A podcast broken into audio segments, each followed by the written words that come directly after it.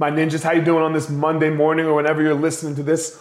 Look, so I was listening to John Danaher and Lex Fridman, and they they talked. There was this one little piece where they were talking about Nicholas Meregali, and uh, let's understand just a little backstory here.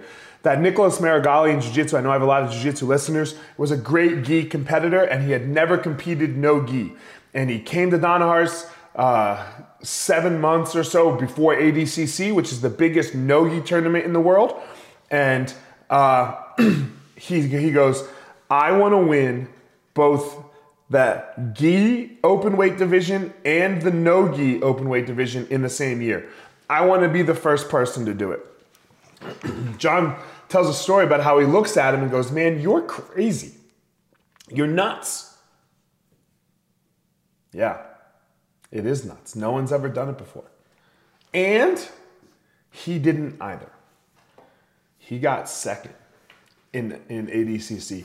He won, he won the gi, and then he got second in ADCC. So he failed, right? No. Look at how high he set that goal. Look at how high he set the bar for himself. And yes, sure, he came up short, but he got second place in an open weight ADCC, biggest grappling tournament in the whole world stage in training no gi for seven months, ever, ever.